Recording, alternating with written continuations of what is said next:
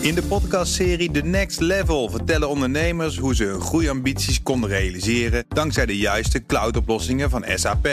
Wat waren de uitdagingen, de oplossingen en hoe ging de uiteindelijke implementatie? Benieuwd naar hun verhalen en hoe zij met behulp van SAP ook hun toekomstige ambities kunnen behalen? Luister de podcast The Next Level via de BNR-app of je favoriete podcast-app.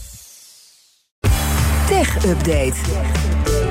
Vandaag met tech-redacteur Michiel Jurjens. Welkom. Goedemiddag. Nou, jij hebt zometeen natuurlijk ook weer een top 3, want dit is de week van de lijstjes. Waar uh, gaan we naar kijken? Ja, we gaan zo meteen kijken naar drie kopstukken uit de techwereld. Grote mensen die in 2022 keihard van hun voetstuk gevallen zijn. Oh, oké. Ik ben super benieuwd waar Elon Musk in dit lijstje staat. Maar eerst oh. heb jij best wel schokkend nieuws. Want als je telefoon al wat ouder is, dan kan het zijn dat WhatsApp per 1 januari gewoon niet meer werkt. Ja, dus als je nog lekker je iPhone 5 gebruikt of je oude Samsung Galaxy S2, eh, dan moet je even opletten. Uh, WhatsApp stopt ieder jaar eigenlijk met het ondersteunen van bepaalde apparaten.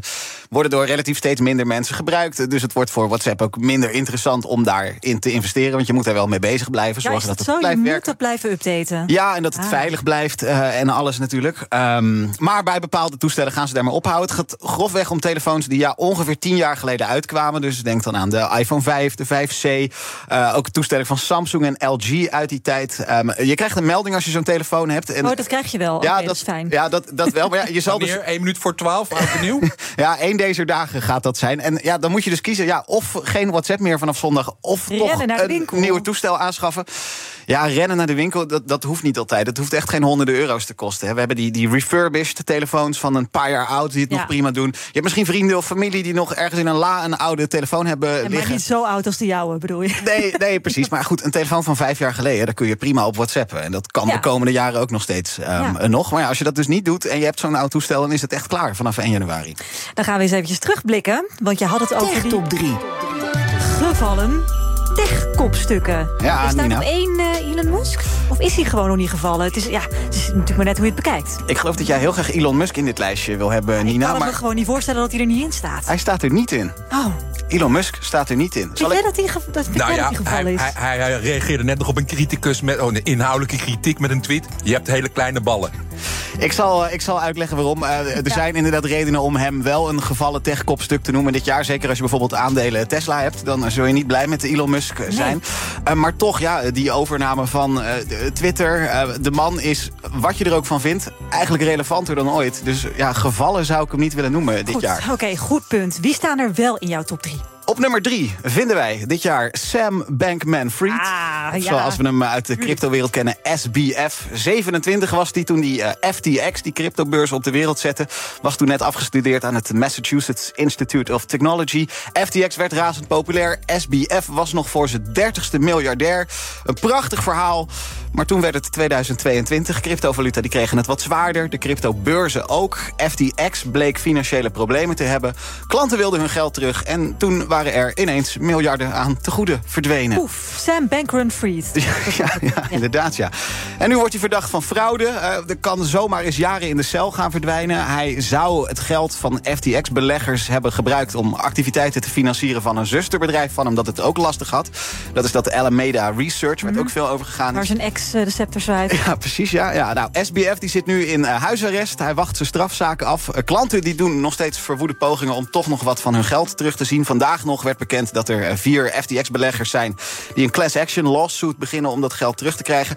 Ik verwacht volgend jaar een Hollywood-film of een Netflix-serie of iets over Ik deze hoop zaak. ook dat ze daar een beetje mee opschieten. Want ja, het is natuurlijk, hoe sneu het ook is... zeker als je er geld eh, ver- verloren hebt... Zeker. is een zo'n bijzonder verhaal.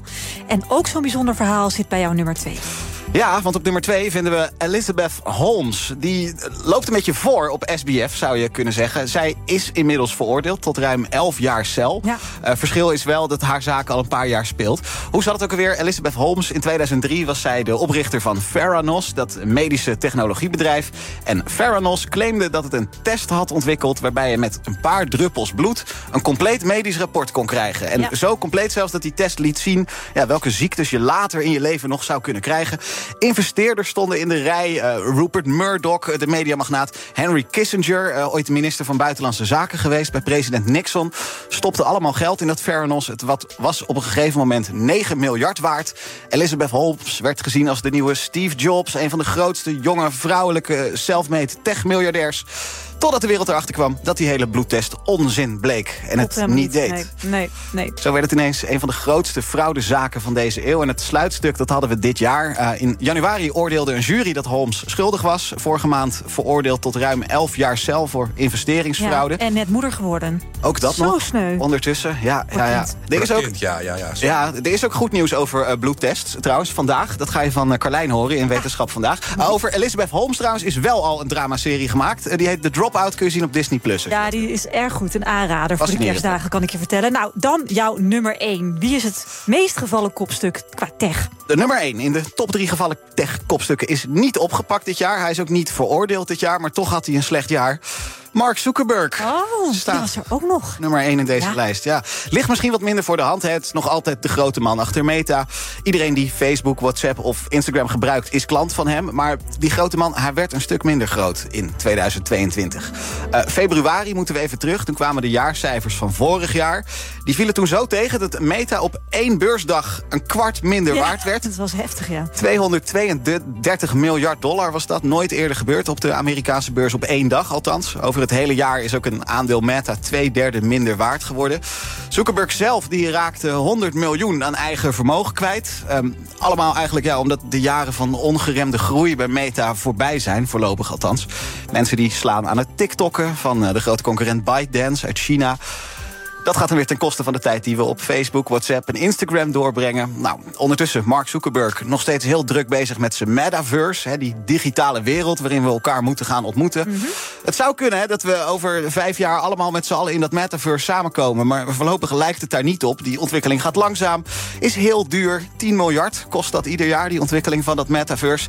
Mark Zuckerberg zelf hè, is nog steeds exorbitant rijk. Heeft nog altijd miljarden klanten. We hoeven echt geen medelijden met hem Ik te hebben. zeggen, precies. Maar ja, de koning van Silicon Valley die die jarenlang was, die is die niet meer. Nee, maar wie, wie weet dat hij dat toch nog wel weer kan worden... als wij inderdaad over vijf jaar toch allemaal met zo'n bril op...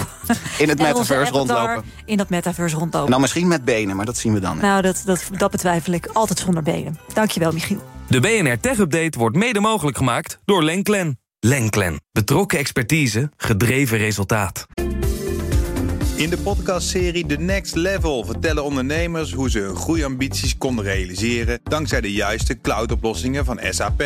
Wat waren de uitdagingen, de oplossingen en hoe ging de uiteindelijke implementatie? Benieuwd naar hun verhalen en hoe zij met behulp van SAP ook hun toekomstige ambities kunnen behalen? Luister de podcast The Next Level via de BNR-app of je favoriete podcast-app.